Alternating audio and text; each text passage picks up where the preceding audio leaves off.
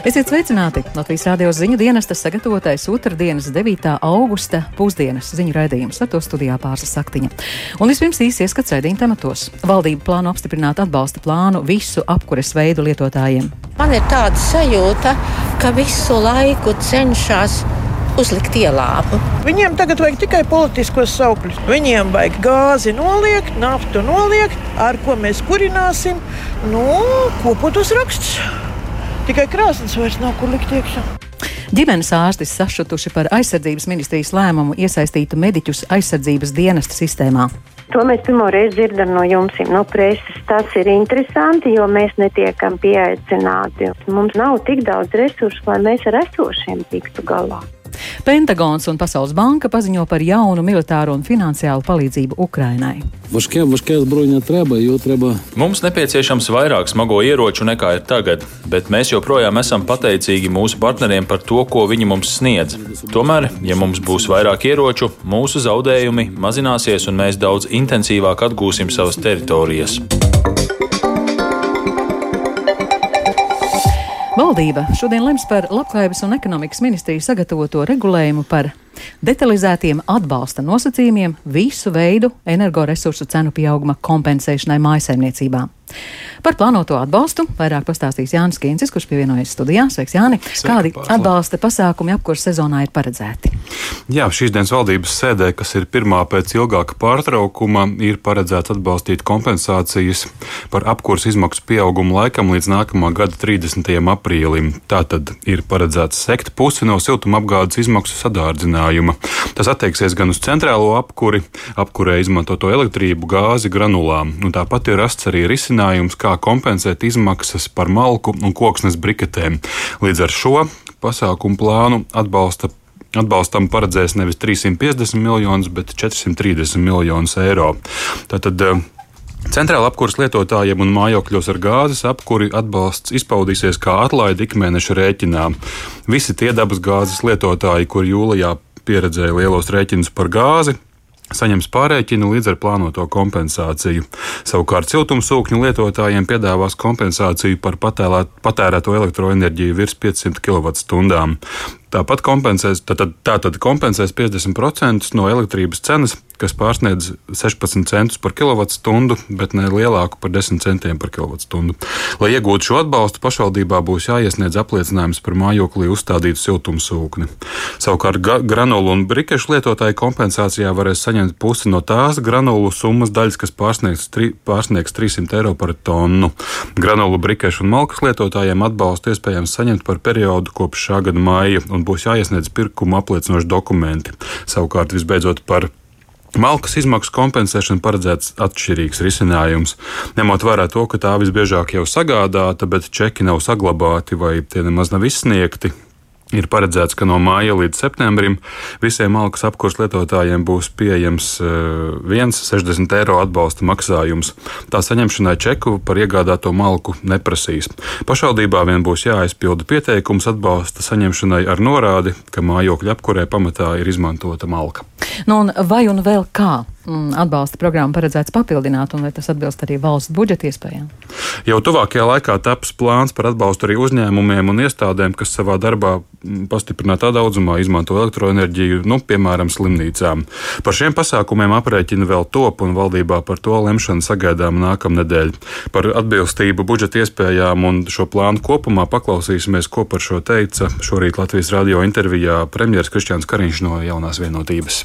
Atļauties mēs to varam, un mums faktiski izvēles nav. Krievijas brutālais karš Ukrainā, viņš izraisa nu, graujošas sekas pašā Ukrainā.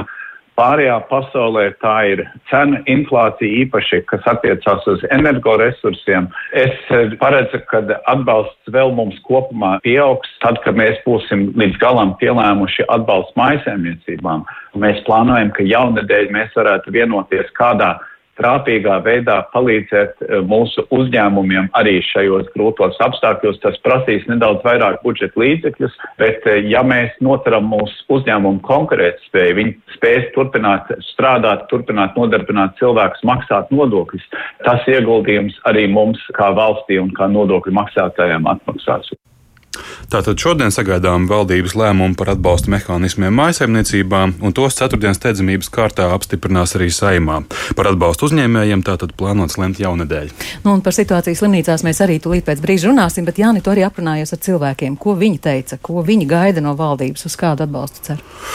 Nu, es sadzirdēju diezgan lielu skepsi, aprunājoties ar cilvēkiem, jo uz jautājumiem par atbalsta pasākumu plānu un ko no tā sagaida Rīgā uzrunāti iedzīvotāji bija visnotaļ piesardzīgi, lai neteiktu vairāk. Un, uh, Nākamās apkurses sezonas izdzīvošanu viņi saista ar kopējā dzīves līmeņa krišanos un citām problēmām. Paklausīsimies, Paklausīsimies ko viņi teica. Jā. Jūs zināt, man pašai ir gāzes apkure, izlīdzinātais maksājums. Es dzīvoju divu stāvu dzīvoklī, es esmu pensionāra. Un es šodien pirms dažām minūtēm samaksāju rēķinu 128 eiro ar kapekām. Un iepriekš bija? Un iepriekš bija jau pēc pārreķina, bija 76, bet man apkurs sākās ar 24 pirms trīs gadiem. Es nezinu, vai tas kaut ko dos daudz tiem cilvēkiem, kam ir mazie ienākumi. Es sev pagaidām uzskatu pie vidējā slāņa. Bet es domāju, ka es līdz trīs būšu nabaga slānis. Jā, es diezgan pesimistiski skatos uz to palīdzību, jo man ir tāda sajūta, ka visu laiku cenšas uzlikt ielāpu. Es saprotu no politiskā viedokļa, es saprotu, ka ir problēmas, bet man šķiet, ka ļoti nopietni būtu jādomā par PVN. Mazināšanu. Jā, ļoti nopietni. Tas, ko mēs ģimenē lemjam, mēs reāli briestam krāsniņai. Mums ir jau plāniņš, ka mēs to drīzumā īstenojam, jo nu, mēs vispār tam kāpumam cenu kā tādam sekojam vairāk līdzi. Tad, skaidrs, ka tas būs izaicinājums diezgan lielai sabiedrības daļai. Es domāju, ka septembrī laikā tas varētu būt, ka mēs pēc tam nonākam. Es saku, es neesmu varbūt tā sīkumos izsakojis līdz tieši par to atbalsta sistēmu, kā tas veidosies, bet skaidrs, ka biedējošs rudens, es domāju, ka ir lielākā daļa no mums. Esmu dzirdējis par tādu lēmumu, bet es tiešām nezinu, kas tieši, kāds tieši atlaides tiks piešķirts. Nē, neesmu informēts par to ir cerības par to, ka tāda veida pasākumi būs, kas atvieglot nedaudz. Uz pusgadu jāliekam. Pēc, to... pēc tam vienīgi, kā būs, to mēs nezinām. Nākamā gada atkal būs jauna lēmuma. Es esmu jau gandrīz pensijas vecumā. Mans vīrs drīz būs tāds pats. Mēs divi strādājam. Šobrīd mēs vēl savilksim galus. Kā būs ziemā, es nezinu. Un mums ir tikai maziņš vienistabs dzīvoklis. Mums ir uh, parastais deviņu stāvu mājas dzīvoklis Un mēs šo ziemu, kas bija, mierīgi viņu nomaksājām. Mēs neiekavējām. Par tekošo es vairs nezinu. Un droši vien, ka man nekāda palīdzība nepienāksies, jo man ir tikai 62 gadi, un vīram pat vēl nav 60. Tātad pensionāri mēs neesam.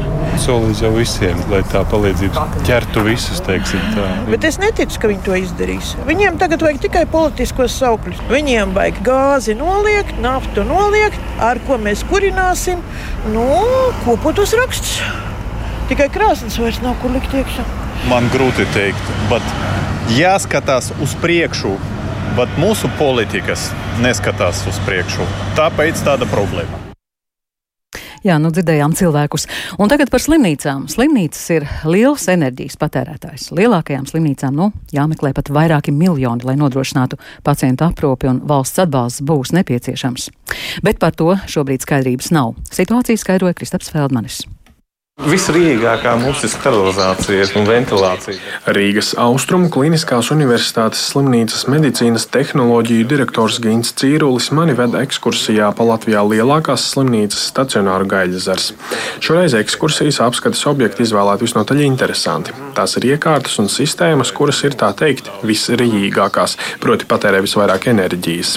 Tās īpaši šobrīd, kad slimnīcai no jauna noslēgta līgumi par elektrības piegādi par jaunām, krietni krietni augstākām cenām, izmaksā īpaši dārgi. Ļoti daudz elektrības patērē piemēram operācijas instrumentu mazgāšanas un sterilizēšanas iekārtas. Mums viņas ir sešas, un katra no viņām tērē 10-12 kWh. Šīs iekārtas ir slimnīcas darba pamatā, jo bez tām nav iespējams nodrošināt operācijas, un arī samazināt iekārtu izmantošanas jaudu nav iespējams.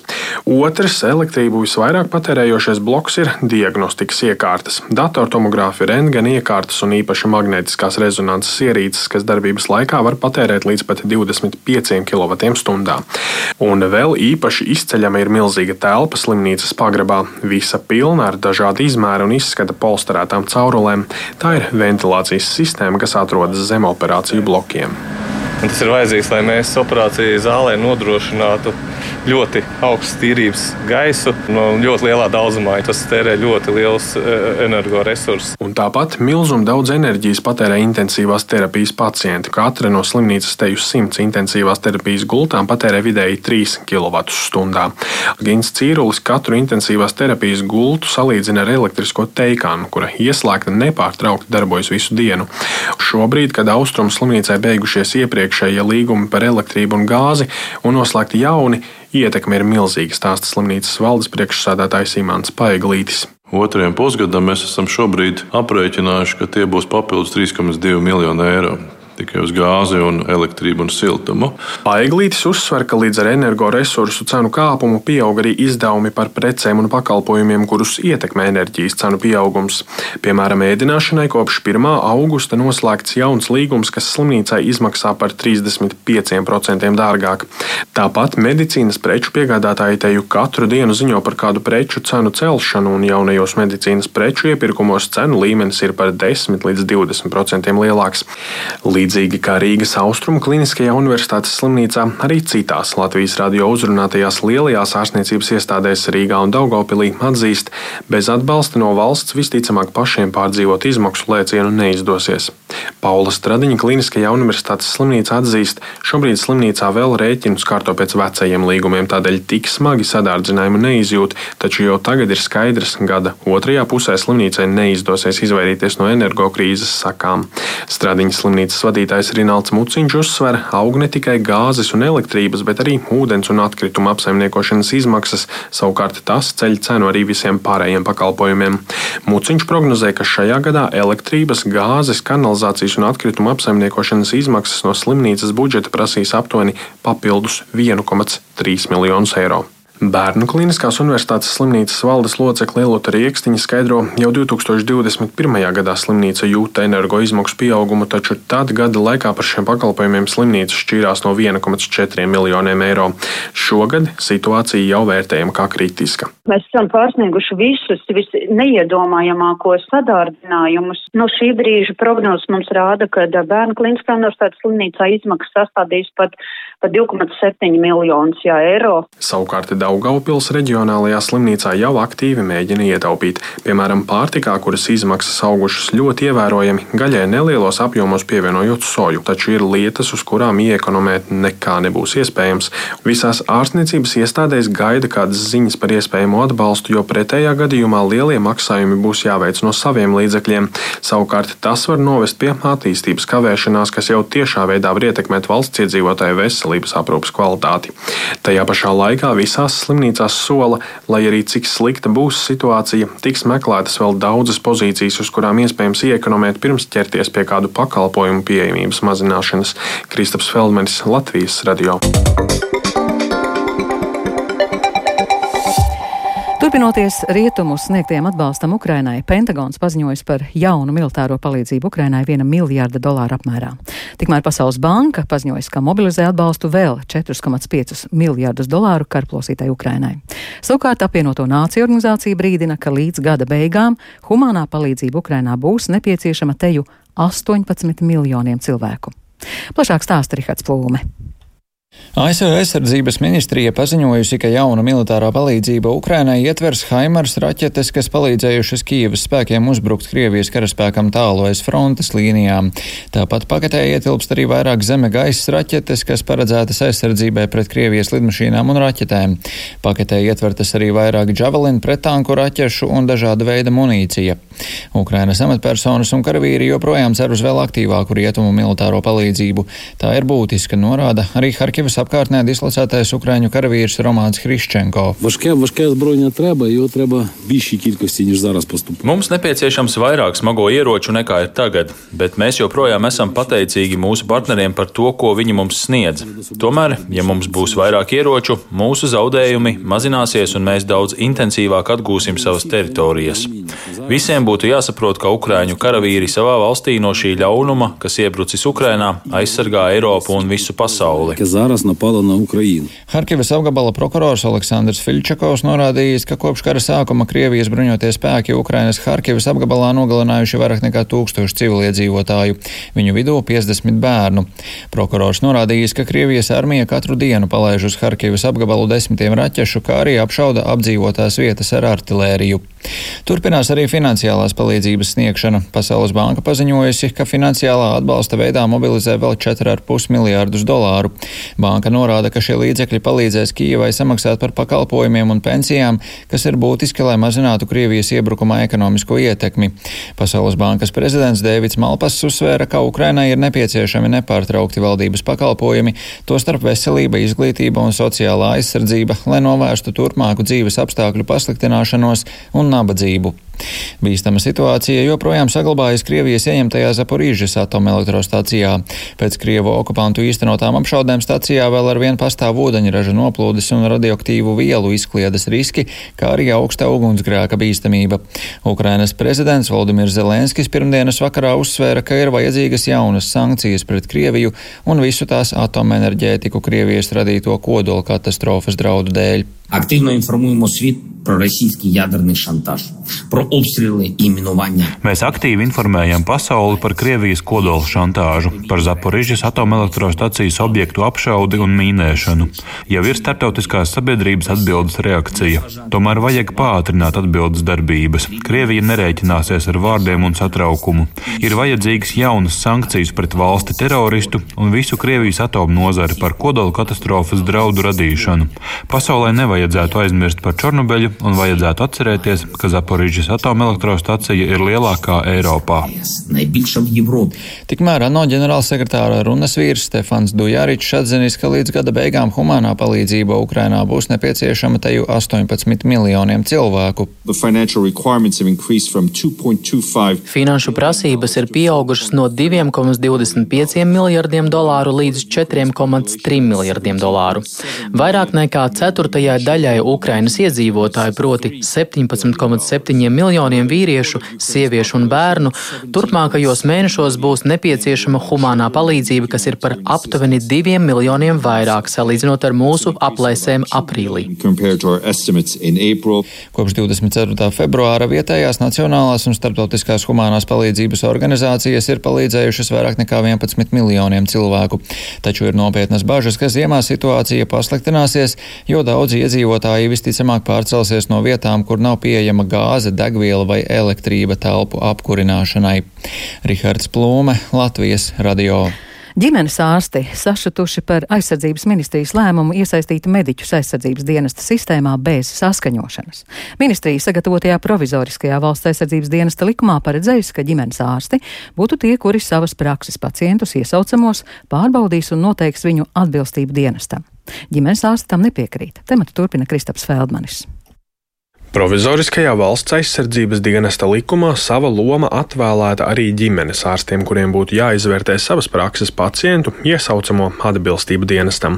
Tikmēr ģimenes ārstu asociācijas vadītājs Sarmīta Veide sakās šādu ierosinājumu pirmo reizi dzirdot no medijiem, jo pati ministrija ar ģimenes ārstiem šo jautājumu nav nec pārunājusi, nec saskaņojusi. To mēs pirmo reizi dzirdam no jums, no preses. Tas ir interesanti, jo mēs netiekam pieaicināti. Otrs ir tas, ka tas mums būs atkal jauns pienākums. Mums jau šobrīd ir loks palielinās, un mēs jau šobrīd domājam, kā pagarināt pieņemšanu. Tas ir diezgan nereāli uzlikt šādu papildus funkciju. Mēs mhm. pilnīgi neaugstam vēl papildus funkcijas. Mums nav tik daudz resursu, lai mēs ar esošiem tiktu galā. Tikmēr aizsardzības ministrijas valsts sekretārs Jānis Garisons skaidro, šobrīd likums ir vien izstrādes stadijā un vēl nenosaka ģimenes ārstiem papildus pienākumus, taču Garisons uzskata, ka ģimenes ārstiem tomēr būtu jāuzņemas arī šis darbs skatoties no tām citu valstu pieredzēm, man būtu ļoti dīvaini liktos, ja mēs radītu jaunu sistēmu, jo, nu, faktiski man izpratne tomēr ir tāda, ka uh, nu, ģimenes ārsts tomēr pazīst savu pacientu. Protams, ja būs tāda pretība, tad uh, mēs skatīsimies tos alternatīvos variantus, bet, nu, tad man jautājums, kaut kas, man liekas, nav kārtībā ar mūsu veselības aprūpes sistēmu. Neskatoties uz savstarpējām nesaskaņām un neskaidrībām aizsardzības ministrijas un ģimenes ārstu starpā, savu vērtējumu par potenciālo aizsardzības ministrijas iecerēto kārtību izteicis arī korupcijas novēršanas un apkarošanas birojas. Biroja politikas plānošanas un komunikācijas pārvaldes priekšniece Anna Aļošina norāda, nenoliedzami situācijā, ja par konkrētu cilvēku atbilstību dienestam lems ģimenes ārsts, pastāv atsevišķi korupcijas riski, par kuriem jādomā. Ir jābūt noteiktām vienotām prasībām vai vienotiem kritērijiem, lai ģimenes ārsts varētu pieņemt lēmumu par dienestā iesaucamā jaunieša veselības stāvokli. Tātad, lai izvairītos no dažādām interpretācijas situācijām vai nevienlīdzīgām attieksmes radīšanas situācijām. Otra lieta, ko mēs redzam kā labu mehānismu, ka ģimenes ārsts pieņem to lēmumu, pēcpārbaudes process būs. Tomēr Knabu kopumā uzteica aizsardzības ministrijas rīcību, kura jau sākotnēji arī pati vērsus uzmanību uz iespējamiem korupcijas riskiem un domājusi, kā tos mazināt.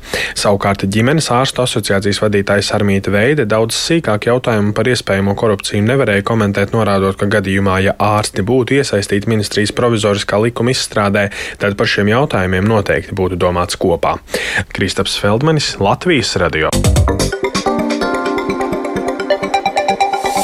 Jau otro termiņu Startautiskās šaha federācijas prezidenta amatā strādās bijušais Krievijas politiķis Arkādijs Dvorkovičs. Ģenerāla asamblējā Krievu neatbalstīja tikai 22 no 179 nacionālajām federācijām. Lai gan Dvorkovičam atbalsts bija pārliecinošs, sabiedrībā tas radīs neizpratni, kā bijušais Krievijas politiķis var turpināt vadīt sporta organizāciju. Un vairāk stāsta Lotārs Zariņš. Ar pārliecinošu vairākumu 157 balsīm uz nākamajiem četriem gadiem Startautiskās šaha federācijas vadībā ievēlēts Arkādijs Dvorkovičs. Dvorkovičs bija Krievijas prezidenta Dmitrija Medvedeva palīgs, vēlāk premjerministra vietnieks. Taču kopš amatā nu jau uz ceturto termiņu ir pašreizējais prezidents Vladimirs Putins, Dvorkoviča pakalpojumi Kremlī beigušies.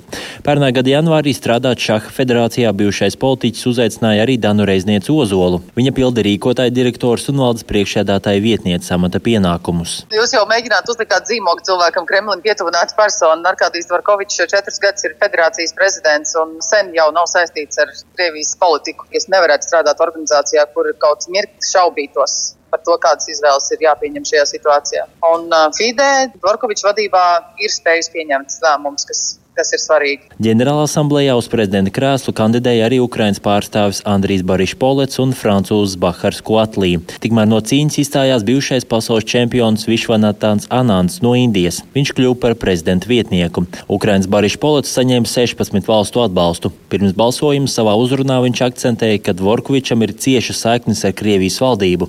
Tagadējais prezidents oponēja, ka viņam bijusi skaidra nostāja Ukraiņas kara jautājumā, atbalstot lēmumu ierobežot Krievijas ietekmi ietekmi federācijā. Prezidenta vēlēšanās viena balss bija arī Latvijai, taču Šaha federācijas ģenerālsekretārs Toms Kalniņš pirms balsojuma lauza roku, tādēļ nevarēja paust savu viedokli. Lai izvairītos no spekulācijām, federācija arī atteicās sniegt atbildi, kuru no kandidātiem Latvijas pārstāvs būtu atbalstījis.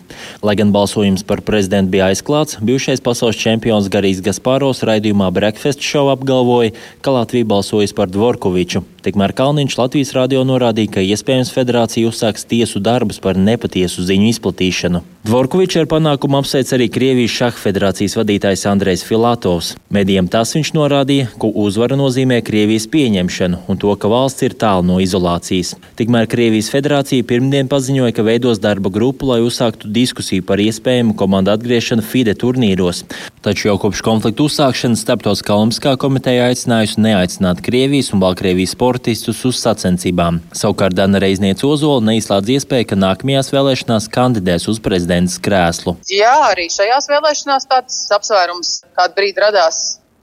Zinot patiešām to, to situāciju, kāda ir starptautiskajās sporta organizācijās. Bet uh, tas, kas ir jāsaprot, ka, lai tādu organizāciju vadītu, tas nav tikai liels gods, bet tas ir arī sarežģīts pienākums. Ir jāspēj sagādāt resursi, un no šarma vien nepietiek. Iespējams, jā, kādā brīdī es arī jutīšu, ka es varu to praktiski paveikt. Es uh, apsvēršu iespēju kandidēt. Jā. Pirms četriem gadiem ASV Dorkovičs iekļauj Krievijas prezidentam Vladimiram Putinam pietuvināto personu sarakstā. Tas veidots ar domu identificēt personas, kas gūšas labumu Putina valdīšanas laikā.